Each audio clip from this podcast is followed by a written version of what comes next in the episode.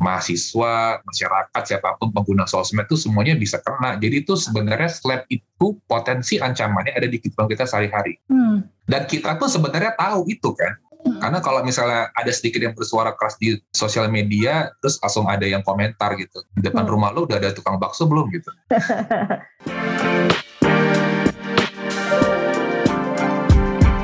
Hai sahabat TCID, kalian sedang mendengarkan podcast Suara Akademia, ngobrol seru isu terkini bareng akademisi.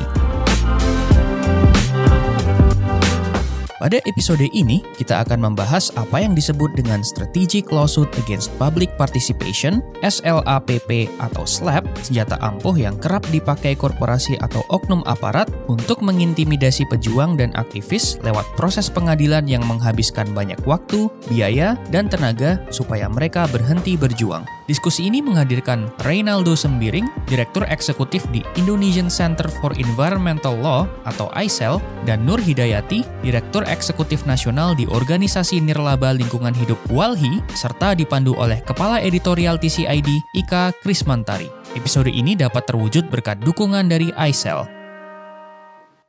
Hai Sobat TCID, senang sekali bergabung di podcast Suara Akademia. Episode kali ini sangat spesial karena TCID bekerja sama dengan ICEL atau Indonesian Center for Environmental Law untuk membahas topik yang mungkin is a bit foreign ya, yaitu SLAP, S-L-A double P gitu. It stands for Strategic Lawsuit Against Public Participation. Jadi singkatnya sih sebuah cara yang sering digunakan perusahaan atau otoritas untuk meredam protes publik. Nah, serangan ini kalau berdasarkan riset yang dilakukan oleh ICEL itu sering menimpa pada aktivis lingkungan. Dalam episode kali ini nih kita bakal ngobrol banyak dengan Direktur Eksekutif ICEL, Bang Reynaldo Sembiring atau sering kita panggil dengan sebutan Bang Dodo. Halo Bang Dodo.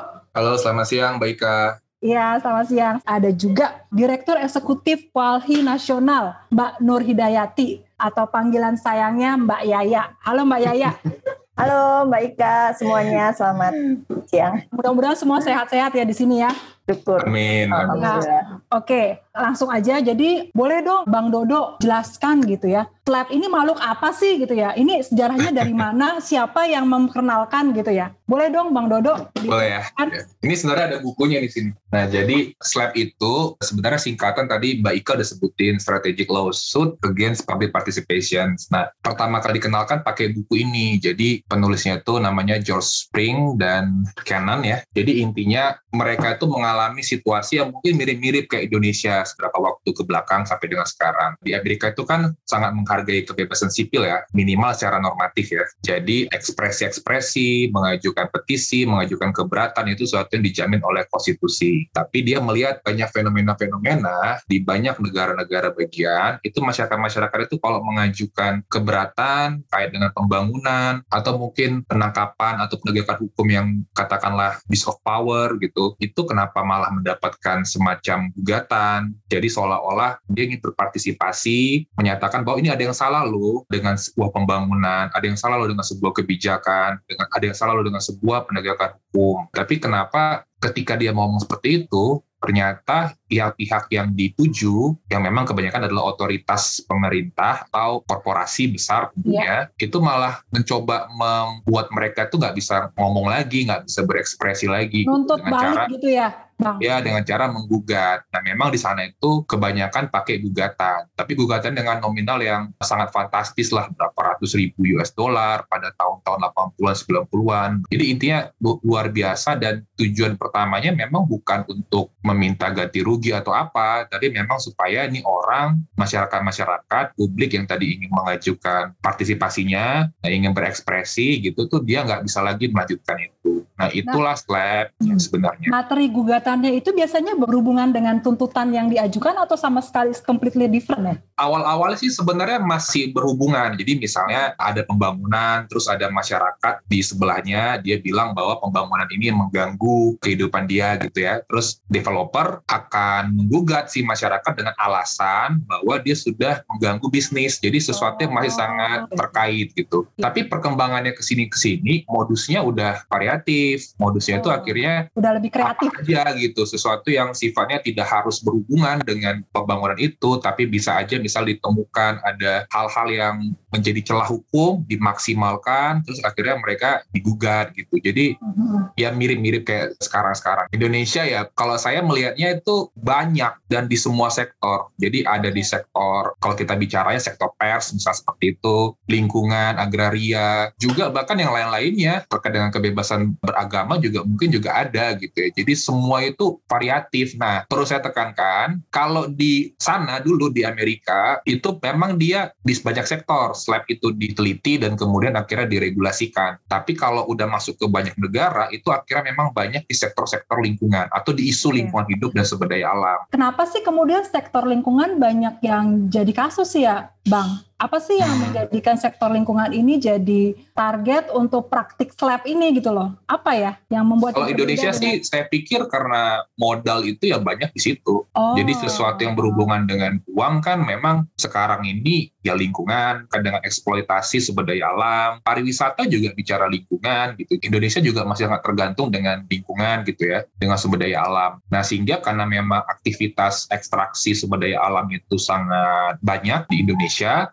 dan sudah pasti kan wilayah-wilayah itu pasti akan banyak masyarakat. Dan juga kita bisa sama-sama tahu dengan luas wilayah sebesar ini sementara kapasitas aparat kita secara kuantitas itu juga kurang terutama di daerah-daerah. Dan isu lingkungan kan sebenarnya kita bisa bilang bukan jadi prioritas ya untuk kepala pemerintahan juga gitu ya. maksudnya tidak seprioritas isu-isu pembangunan lainnya seperti ekonomi atau pembangunan infrastruktur seperti itu. Jadi akhirnya membuat ya masalah ini tuh pelan-pelan pelan-pelan pelan-pelan itu naik dan memang selalu di lapangan itu ya masyarakat atau pendamping dengan si korporasi-korporasi besar. Sekarang beralih ke Mbak Yaya. Mbak Yaya, kalau misalnya Mbak Yaya kan sering banget ya di lapangan mendampingi masyarakat gitu ya. Kalau selama ini pengalamannya Mbak Yaya, tadi kan Bang Dodo bilang ya kalau misalnya slap ini udah lama banget di berbagai negara juga terjadi gitu. Boleh cerita nggak sih kalau yang sangat khas dari Indonesia itu apa sih praktik slap itu sendiri yang dilakukan oleh korporasi atau otoritas pemerintah ya di sini? Ya, jadi yang eh, sangat khas di Indonesia itu adalah korporasi ini menggunakan tangan aparat negara ya untuk menghambat ekspresi publik atau menghambat aspirasi masyarakat gitu yang tadi sudah disampaikan sama Dodo karena proses pembangunan itu tidak partisipatif, tidak pernah melibatkan masyarakat, tidak meminta persetujuan masyarakat, bersifat top down, konflik itu pasti akan terjadi. Nah, konflik-konflik ini kemudian ekspresi protes dan ekspresi ketidaksetujuan yang disampaikan oleh masyarakat itu kemudian dibungkam dan diredam dengan melakukan slap ini. Apalagi di Indonesia ini kan hukum pidananya itu kan masih menggunakan hukum-hukum kolonial. Itu Ah. nanti Dodo tahu tuh ya. Dan hukum-hukum kolonial ini yang dipakai gitu oleh aparat keamanan. Misalnya yang terjadi di Banyuwangi, Jawa Timur ya. Kelompok masyarakat di sana menolak pembangunan pertambangan ya yang akan merusak wilayahnya karena pertambangan emas ya itu akan merusak wilayah-wilayahnya masyarakat, mengambil alih lahan masyarakat, mencemari laut dan lain-lain. Nah, ini kemudian Mas Budi Pego itu pada saat demonstrasi gitu ditemukan ya kita tahu lah ya modus-modus untuk Mhm. menjebak ini ditemukan ada misalnya bendera atau simbol-simbol komunis gitu di tengah demonstrasi tersebut. Dan Mas Budi Pego sebagai salah satu pemimpin gerakan dari masyarakat itu dikriminalisasi. Dia dituduh menyebarkan ajaran komunis jadi menggunakan hukum-hukum kolonial atau hukum-hukum yang di Indonesia yang sangat banyak pasal karetnya gitu untuk menjerat ya atau membungkam tadi. Akhirnya dikriminalisasi. Ini adalah inisiatif dari aparat negara yang kemudian menangkap dan mengkriminalisasi Mas Budi Pego menggunakan hukum-hukum pidana gitu. Karena yang bisa menangkap itu polisi gitu ya, yang bisa Canggih. menggunakan hukum pidana itu polisi bukan perusahaan Benar, gitu. benar. Ada Lalu contoh lain Mbak? oh, Contoh lain banyak, nggak? Boleh banyak. dong. Boleh. Yang Indramayu Mbak yang lucu tuh Iya, iya. Boleh, boleh, Di Mbak. Indramayu ini kasus petani ya, petani yang menolak pembangunan PLTU batubara di Indramayu. Karena itu tadi prosesnya mereka tidak pernah dimintain persetujuan, tahu-tahu sawahnya itu sudah mau dijadikan lokasi pembangkit listrik tenaga uap dari bahan bakar batu bara. Dan mereka tentu kemudian melakukan protes, penolakan karena sawahnya itu adalah satu-satunya sumber penghidupan mereka. Jadi ada hal-hal yang simplistik gitu di dalam penerapan pembangunan. Kelompok masyarakat ini mereka menyebut dirinya Jatayu ya, kelompok petani ini Kemudian mereka banyak sekali melakukan demonstrasi dan juga sebenarnya ekspresi-ekspresi yang ingin menunjukkan saya ini warga negara Indonesia, saya berhak di sini dan lain-lain. Jadi pada satu hari itu mereka memasang bendera merah putih gitu di sekeliling pagar di wilayah mereka ya. Nah, tahu-tahu besok harinya itu ada salah satu bendera yang dipasang terbalik dong gitu.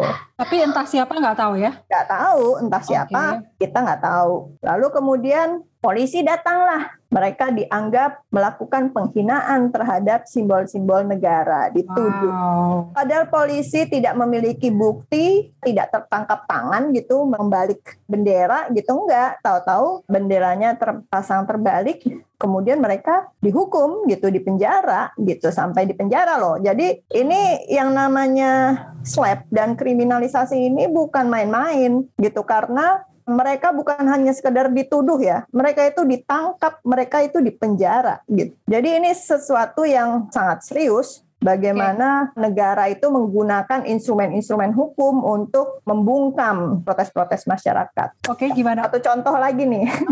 boleh, boleh, Pak nelayan ini sekarang. Jadi biar lengkap tuh ya ada petani, ada nelayan gitu. Belum lagi yang akademisi juga di jangan salah loh. Kelas menengah akademisi juga tidak lepas ya okay. dari ancaman, ancaman ini. ini. Uh, nelayan di Kodingaring ya Sulawesi Selatan, mereka melawan industri penambangan pasir, pasir laut yang mengganggu wilayah tangkap mereka gitu. Ini kasusnya aneh-aneh banget gitu. Justru yang ditangkap bukannya yang berusaha menyogok karena dia ada upaya untuk melakukan penyogokan terhadap nelayan. Mereka hmm. dikasih amplop supaya diam gitu, uang ya, uang tutup ya, mulut aja, gitu. Uh -uh. Karena nelayan ini tidak mau ya menggadaikan ya. wilayah tangkapnya, dirobek itu amplopnya. Ternyata dalamnya ada uang. Oh, terus dituntut gara-gara itu? Oh my ya.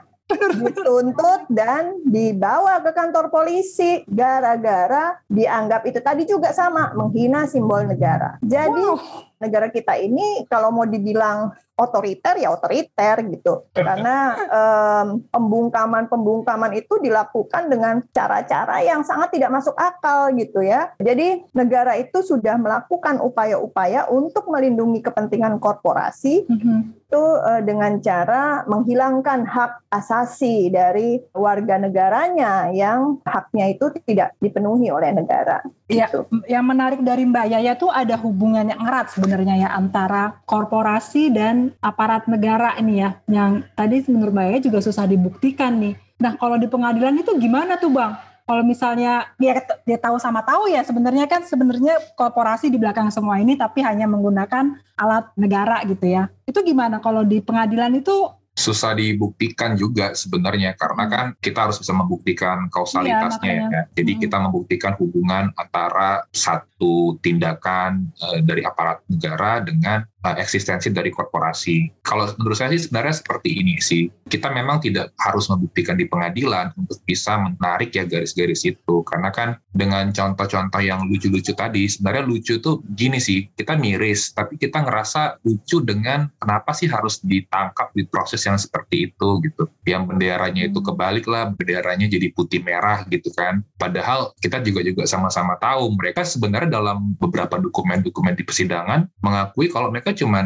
pasang bendera merah putih dan bendera putih merah juga bendera Polandia jadi menurut saya juga tidak ada sesuatu yang aneh kayak gitu loh ya. Jadi bendera putih merah itu juga nggak dilarang kan sebenarnya kan? Kita juga kalau iya. lagi kita juga lagi nonton bola. Ada bendera Italia kemarin kan?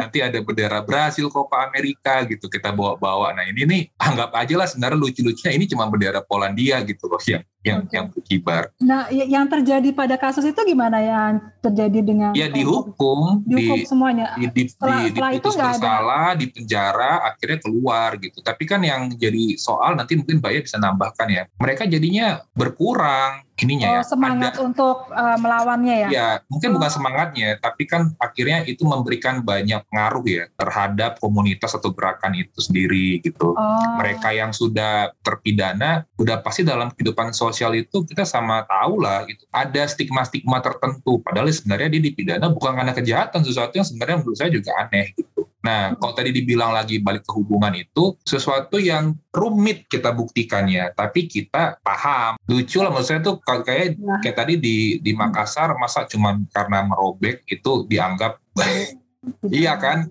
apalagi kalau Ya, sebenarnya logikanya sih. sederhana aja kan uang udah dikasih ya gitu ya Iya, kalau terserah dia dong. misalnya- itu kan dari pegangan dia kalau dia mau robek uang saya juga terserah saya gitu loh sebenarnya oke. begitu lucu-lucu aja tapi, kan Tapi kalau ya ya diproses Bang Dodo, kalau misalnya secara uh, dasar hukum ya, di, secara hukum kita ngomong secara hukum nih, saya Hmm, agak-agak ini. Slap itu sendiri memang tidak sesuai dengan undang-undang yang ada di Indonesia kan sebenarnya, kayak Iya, menghalang iya. ekspresi publik gitu. Dan Iya. ketika misalnya itu bisa dibuktikan gitu oleh pengacara dari pihak orang-orang ini, itu bisa nggak kemudian tuntutannya dibatalkan jadinya? Bisa karena udah ada jadi slab ini ada dua ya sebenarnya Ya, satu oke. diperdata digugat gitu ya dengan gugatan yang fantastis atau Mhm. intinya membuat si korban ini menjadi takut gitu ya satu lagi dipidana yang paling banyak ini pidana dan paling bahaya sebenarnya pidana karena mereka bisa ditangkap ditahan digeledah gitu disita gitu bahaya lagi nah kalau yang sebenarnya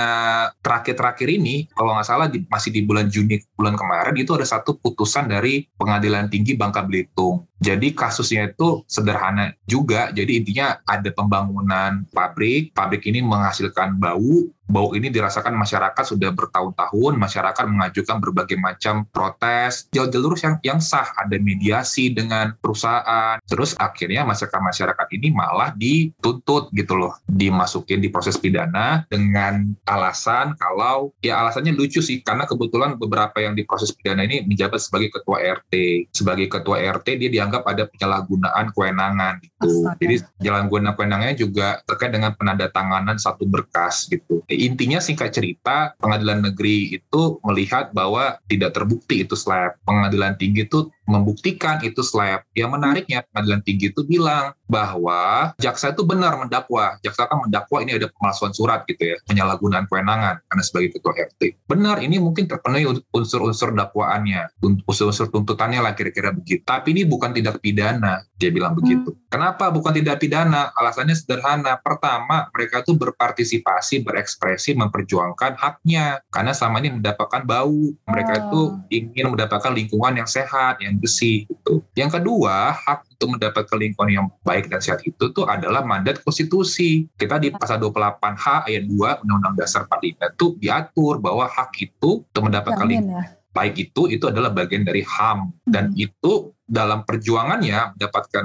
hak atas lingkungan hidup yang beda sehat itu itu dilindungi dalam konteks partisipasinya dalam konteks perjuangannya itu dilindungi dalam pasal 66 Undang-Undang Lingkungan artinya hakim itu melihat bahwa oh ternyata memang mereka ini memang hanya ingin memperjuangkan haknya saja. Jadi kalau dibilang ada pasal-pasal yang kena, ya bisa aja pasal-pasal itu kena sama mereka semua karena memang pasal-pasal itu kan banyak yang bisa di ya kayak tadi kata Mbak ya karet gitu. Tapi terbukti mereka ini cuma mau partisipasi akhirnya dilepaskan dari segala tuntutan gitu. Jadi secara produk hukum udah ada satu putusan pidana ya terkait dengan anti slap yang akhirnya membebaskan korban dan itu mengacu kepada konstitusi dan undang-undang. Jadi kan benar gitu loh cara berpikirnya.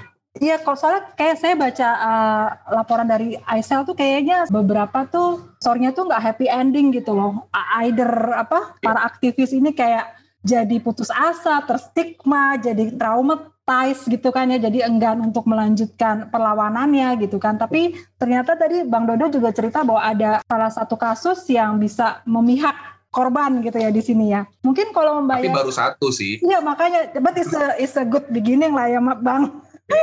baru juga gitu. Jadi Oh, belum Itu tahun berapa ya Bang? Baru Juni kemarin. 2021. Wow, oke.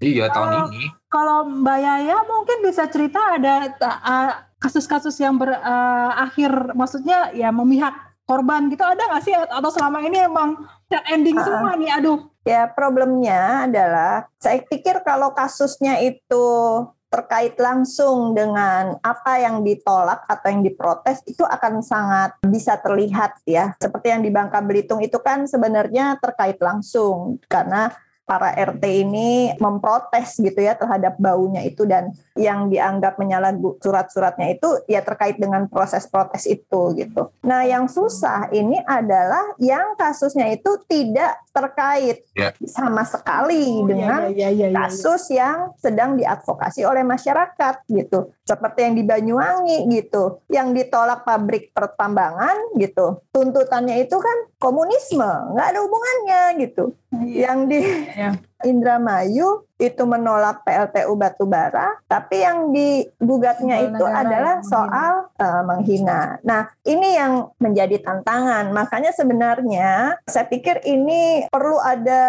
pendidikan kepada hakim juga gitu ya, ketika dia melihat kasus seperti misalnya yang di Banyuwangi itu, harusnya kan hakimnya paham gitu ya, ya. tahu lah oh ini kayaknya mungkin ada tali temalinya gitu dengan protes masyarakat tadi atau yang di Indramayu. Karena itu protesnya besar kok gitu ya. Secara nasional ya. banyak orang yang tahu. Jadi tidak mungkin hakim setempat yang levelnya pengadilan negeri di level tingkat dua itu tidak tahu ada kasus itu gitu. Nah sensitivitas semacam ini yang perlu diberikan kepada hakim gitu. Sehingga di beberapa negara justru gugatan-gugatan semacam ini dianggap justru menghina pengadilan gitu dan yeah. justru bisa uh, itu mengurangi uh, kapasitas gitu ya pengadilan untuk bisa mengadili kasus-kasus yang lain, lain gitu ya. obstruction of justice gitu. Ya. Seharusnya okay, itu. itu yang saya pikir menjadi penting ya nuansa gitu. Jadi hakim hakim-hakim itu perlu lebih sensitif melihat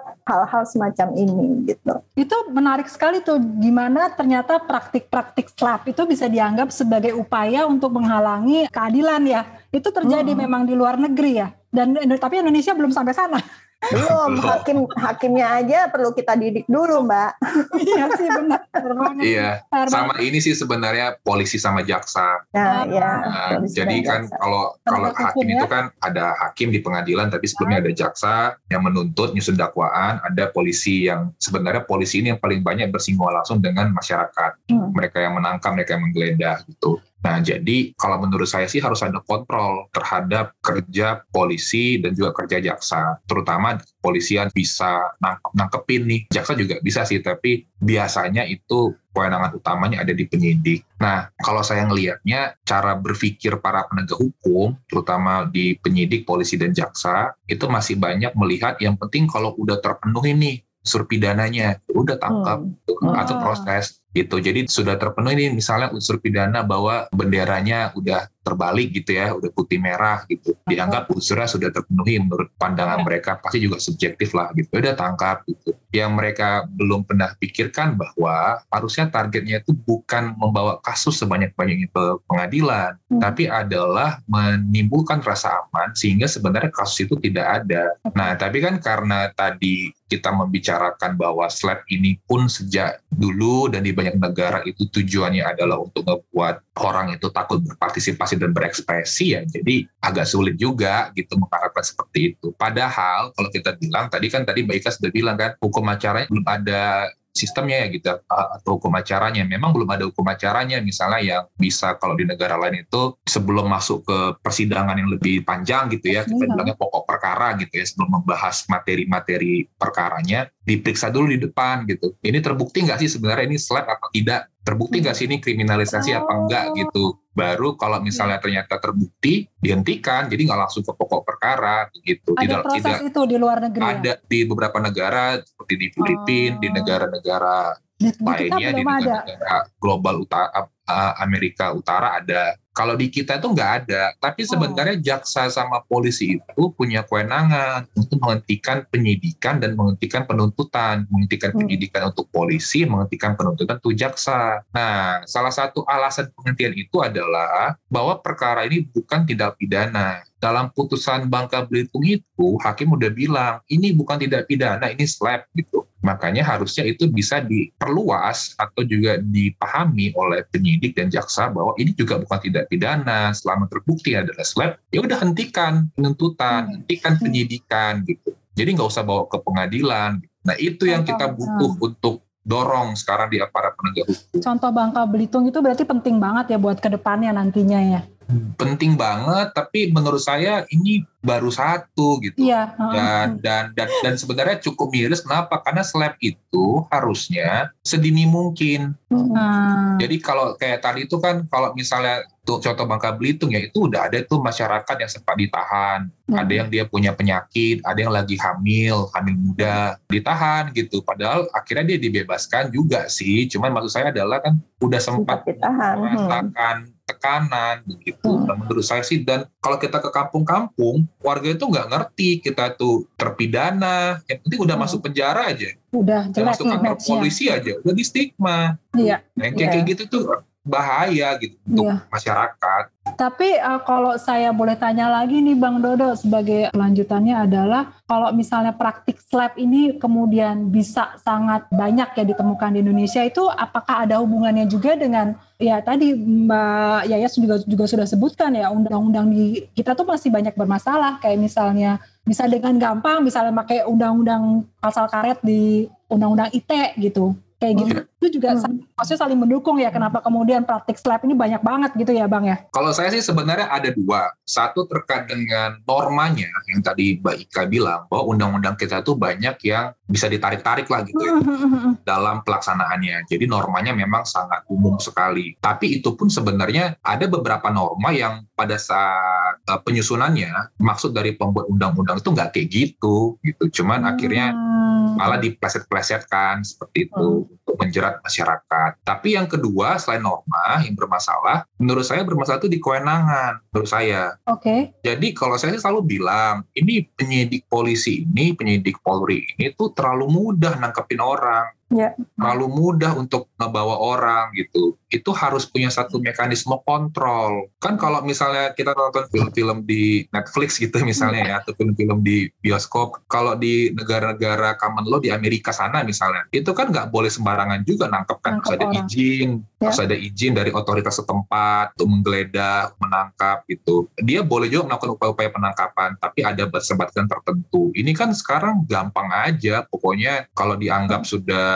melanggar eh, dan itu penilaiannya banyak pasti sifatnya subjektif dari aparat di lapangan, dibawa, dibawa, dibawa gitu, ditangkepin. Kewenangan itu terlalu besar, harus dikontrol. Intinya kalau penyidik mau nangkep, izin dulu gitu. Jadi enak kontrolnya. Sekarang kan gak enak kalau misalnya Hmm. ditangkap, kita protes, kenapa ditangkap? Ya udah nanti pra peradilan aja lah. Kan udah kasihan masyarakat yang ditangkap. Udah terstigma ya. Kayak begitu, iya. Benar-benar. Oke, uh, aku balik ke Mbak Yaya. Mbak Yaya tadi contoh yang dari kalangan menengah tadi apa Mbak Yaya? Boleh di-share nggak ya? Oh iya, itu Sebenarnya bisa berlaku buat bisa kena siapa iya. aja gitu ya. Iya, ini yang pernah dikenakan oleh perusahaan kepada dosen IPB yang dosen IPB ini eh, sering kali menjadi saksi ahli ya di pengadilan untuk kasus-kasus kejahatan lingkungan hidup. Nah, terutama kebakaran hutan. Jadi ada Profesor Bambang Hero dan Profesor Basuki Wasis ya. Mereka ahli kehutanan, ahli kebakaran hutan gitu. Sering diminta oleh pemerintah untuk menjadi saksi ahlinya ke dalam gugatan-gugatan dan mereka ini digugat oleh perusahaan yang digugat oleh pemerintah gitu. Berapa miliar tuh, Dok? Gugatannya aku lupa. Gede lah. Pokoknya tapi gede lah. Ini Pak, salah, Pak salah Bambang satu Hero itu bukan? Nur Alam lagi. Pak Iya, Bambang Hero bukan? korupsi. Pak Bambang Hero, Ya, di sini Hmm. 491 miliar ya. nah, Iya, kan aneh kan? sekitar itulah gitu ya. Sorry, sorry, 150 miliar kayaknya ya. Ya pokoknya di atas 5 miliar udah aneh untuk dosen. Pokoknya ya ini memang model-model shock terapi ya gitu. Dan ini perusahaannya memang nggak tahu malu banget gitu. Mereka menggugat para saksi ahli ini gitu. Dan untungnya memang mereka dibebaskan ya dari segala tuntutan Iya. ini gitu. Oke. Jadi saya juga pengen menekankan nih sebenarnya kan kalau misalnya dilihat uh, secara keseluruhan gitu ya kita melihat bahwa praktik slap ini bisa kena siapa aja gitu ya. Dan Betul. saya melihat ini kalau kita lihat aktivisme lingkungan itu kan ke semua umur ya. Anak-anak muda sekarang juga banyak kan yang terlibat kayak Greta Thunberg hmm. gitu kan kita lihat. Nah, hmm, hmm, hmm. kalau misalnya praktik lab ini nanti juga bisa kena ke mereka itu kan dimungkinkan sekali kan berarti ya. Apalagi dengan adanya media sosial seperti itu kan ini bisa-bisa saja jadi benar-benar apa ya mengancam ya kebebasan berekspresi semua orang berarti ya ya karena gitu. yang ditargetkan oleh para pelaku slap ini kan pihak-pihak yang challenging the power ah. the power that be ya gitu. Iya. Dan di Indonesia ini siapa yang punya power gitu ya elit-elit ekonomi politik ya beserta aparat keamanan gitu. Jadi kalau tadi disampaikan Dodo gitu ya, memang perlu gitu secara mekanisme harus ada diatur. Tetapi memang secara umum kalau kita lihat itu politik keberpihakannya, politik hukumnya memang itu tidak berpihak kepada masyarakat atau bisa dibilang politik hukumnya itu lebih berpihak berpihak kepada mereka yang berkuasa. Contoh-contohnya itu banyak sekali di lapangan. Kalau misalnya masyarakat melakukan misalnya protes gitu ya, ya. lalu dilaporkan oleh perusahaan ke polisi gitu. Padahal sebelumnya berkali-kali masyarakat ini sudah melaporkan ke polisi atas tindakan ilegal yang dilakukan oleh perusahaan melakukan operasi secara ilegal misalnya menebang pohon di wilayah yang bukan merupakan konsesi mereka atau melakukan perusakan hutan di wilayah masyarakat adat. Itu udah dilaporin ke polisi, tetapi polisi tidak menindaklanjuti laporan masyarakat tersebut. Malah mereka kemudian justru lebih cepat menindaklanjuti laporan dari perusahaan yang melaporkan masyarakat yang mengganggu operasi perusahaan Benar. yang dianggap ilegal. Jadi ibaratnya gini, di rumah kita ada maling ya, kita terus menghalang-halangi maling itu supaya nggak merampok rumah kita. Terus malingnya lapor ke polisi, kita dihalang-halangi nih gitu. Nah polisi justru itu belain malingnya. Malingnya kita yang ditangkap gitu loh. Ini kan ilustrasinya ini logikanya. Okay banget. Ilustrasinya itu okay memang seperti seperti itu yang terjadi yeah. gitu. Bang Dodo, uh, ya apakah Bang Dodo juga melihat gitu bahwa praktik slap ini juga bisa kena siapa aja gitu rentan apalagi kalau kita lihat uh, anak muda sekarang kan sangat kritis ya. bisa. ya peduli lingkungan gitu. Mereka bisa aja berkoar-koar di mana pun dan mereka bisa jadi target yang lumayan ini dong ya berarti ya di sini. Saya melihatnya itu mungkin kasus iya banyak tapi perilaku perilaku dari mungkin otoritas berwenang itu juga banyak yang mengarah kepada apa ya sesuatu yang mungkin bisa menjadi slap Misalnya begini, kita banyak tahu di sosial media ya, hmm. ada satu kejadian, kejadian itu melibatkan otoritas, terus tertentu lah menerima suap atau apa gitu, direkam, hmm. pakai pakai handphone, disebar di sosmed, terus terus kan bukan inti dari masalah itu yang diproses, tapi kan dicari siapa yang rekam gitu, siapa yang iya. nyebar gitu. Jadi kan kita tuh ini mungkin contoh yang gampang untuk menjelaskan bagaimana setelah itu juga terjadi kasus-kasus lingkungan. Hmm. Jadi permasalahan lingkungannya itu sering sekali tidak ditindaklanjuti, tapi tadi itu ya kalau misalnya ada gangguan-gangguan yang dilaporkan oleh otoritas tertentu, oleh korporasi atau otoritas tertentu ya kepada penyidik, nah itu yang diproses. Pencemarannya enggak, biarin aja gitu kan. Benar. Banyak kan seperti itu. Jadi sebenarnya kalau saya melihatnya tuh kita tuh udah bisa melihat lah, ini ada di kehidupan kita sehari-hari. Kan yang tadi kayak contoh saya di sosial media itu kan sebenarnya kita sering lihat ya gitu. Benar. Orang benar. orang yang mengupload itu malah dia yang dicari. Cari, gitu. ya. Baik Nuril itu kasus yang dulu di NTB yang dia guru yang mendapatkan pelecehan oleh atasannya by phone dan dia rekam tapi bukannya atasannya yang diproses malah dia diproses hukum gitu. Nah sampai akhirnya proses ini tuh dibawa ke tingkat nasional baru diselesaikan melalui amnesti ya eh, oleh kewenangan presiden. Yang menjadi pertanyaan saya adalah ya kalau kita punya satu sistem atau tadi politik hukum atau satu kebijakan hukum yang demokratis harusnya kayak kayak gini tuh nggak usah hmm. sampai diproses gitu akhirnya kan jadi ngerepotin kepala negara juga toh ya. jadi atensi juga toh gitu yang kayak kayak hmm. begini tuh kalau memang beneran kita mau kumpulin datanya itu seluruh Nusantara banyak. banyak. Hmm.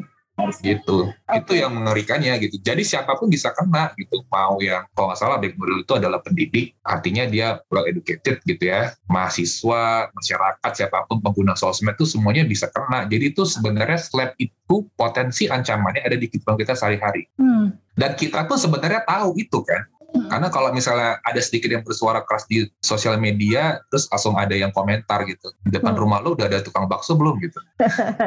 itu kan Iya. ekspresi masyarakat yang sebenarnya dia udah Udah udah, tahu. tahu gitu. Iya. Jadi kita tuh maksudnya aparat penegak hukum itu ayolah gitu. Ngapain lah terlalu Oke. kupingnya tipis gitu loh. Maksudnya udah kita Oke. carilah solusinya. Oke, Mbak Yaya dari lapangan bisa share ya proses-proses pendampingan yang biasa diberikan kepada korban slap ini apa saja sih? Boleh cerita Ya. Yaya? Kalau sudah sampai ke situ ya pasti proses pendampingan hukum ya dengan teman-teman AISEL juga dengan teman-teman LBH gitu kita bersama-sama gitu melakukan advokasi juga eh, mendampingi masyarakat gitu. Selain pendampingan hukum di proses peradilan juga kita memberikan penguatan-penguatan ya kepada anggota kelompok masyarakat yang lainnya karena seperti Dodo bilang ini kemudian menjadi demoralisasi juga ya. Ada potensi demoralisasi di masyarakat yang berjuang. Karena yang namanya masyarakat kecil itu pasti takut lah bila berurusan dengan polisi gitu. Kita aja males gitu kan berurusan sama polisi. Dan polisi yang kemudian harusnya menjadi pelindung masyarakat kan kemudian menjadi ancaman gitu. Biasa juga kan ada anak-anak kecil tuh jangan begitu jangan melakukan ini jangan melakukan itu. Nanti tangkap polisi loh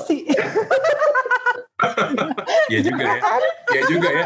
di mindset kita kan polisi itu ancaman gitu. Bukan dia itu sebagai pelindung enggak gitu loh. Itu udah dari kecil loh kita diajarin ya banyak hal-hal semacam itu. Jadi saya pikir sebagai masyarakat nih kita harus lebih kritis lagi melihat kasus-kasus ini kan seorang antropolog itu ada yang bilang bullshit jobs ini kan bullshit case gitu ya. Dan itu penanganan kasus-kasus yang BS ini itu kan menggunakan Iya, anggaran negara ya. Ah, artinya pajak masyarakat. Harus Iya. ada gerakan yang kuat untuk menolak polisi untuk menangani kasus-kasus yang semacam ini. Karena berarti itu menghalangi polisi untuk menangani kasus-kasus yang lebih serius yang benar-benar membawa kerugian masyarakat. Dodo bilang kasus ini banyak sekali gitu ya, model-model pelaporan yang nggak jelas dan lain-lain. Sehingga kita harus menolak atau eh, meminta polisi untuk tidak menangani kasus-kasus yang semacam ini Iya, karena Mbak Yaya. itu hanya menghabiskan uang publik dan pajak masyarakat. Nah ini dia poin penting dari Mbak Yaya. Saya ingin melanjutkan bahwa kan tadi kan Mbak Yaya udah bilang sama Bang Dodo ya kalau misalnya hal yang bisa dilakukan adalah building capacity-nya law enforcement ya. Tapi dari sisi kita, what can we do gitu loh sebagai publik tuh apa sih yang bisa kita lakukan tadi?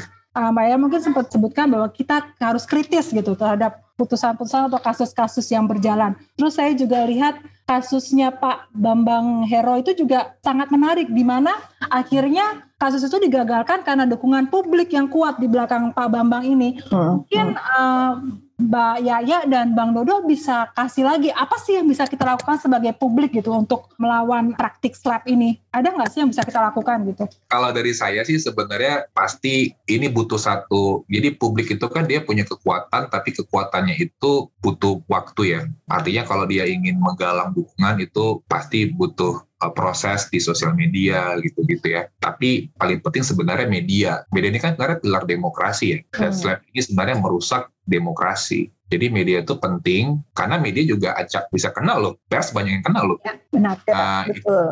Hmm. Uh, itu media itu penting untuk mulai sering gitu untuk memberitakan atau sering mengajak memberikan pengetahuan kepada masyarakat dan kalau ada kasus diangkat jadi dengan begitu ini menjadi satu masalah besar dan makin banyak masyarakat tahu dukungannya akan semakin kuat tapi menurut saya yang paling penting lagi adalah ada kebijakan yang disusun Nah, kalau kita tadi tadi kan Mbak ya sempat singgung hakim. Hakim itu sudah setidaknya sudah adalah satu kebijakan internalnya untuk anti-slap ya, walaupun masih dalam bentuk pedoman. Di Kejaksaan Agung itu ada sebenarnya pedoman restoratif justice, tapi hanya untuk kasus-kasus yang ancaman pidananya di bawah lima tahun ya, kayak Nenek Mina kemarin lah yang dianggap ya, bukan nyuri juga, dia mengambil kakao tapi dituduh nyuri kakao gitu ya. Jadi yang kayak kayak gitu bisa dihentikan sebenarnya untuk keadilan restoratif. Nah, sekarang kita tinggal tunggu nih eskalasi yang lebih baik gitu ya di masing-masing institusi terutama di kepolisian. Kepolisian ini kan kayaknya belum ada tuh inisiatif-inisiatif seperti tadi pengadilan atau inisiatif di kejaksaan gitu ya untuk mulai mengurangi jadi indikator kesuksesan dari sebuah institusi hukum itu bukan banyaknya kasus, tapi adalah semakin sedikitnya kasus dan semakin amannya. Jadi ya hmm. itu harus diubah mindsetnya. Dan masyarakat tuh harus mendorong itu. Ayo dong lo bikin peraturan lo yang kayak gimana gitu. Selain juga tadi masyarakat dan media kolaborasi okay. uh, mendiseminasikan semua masalah yang ada dan menggalang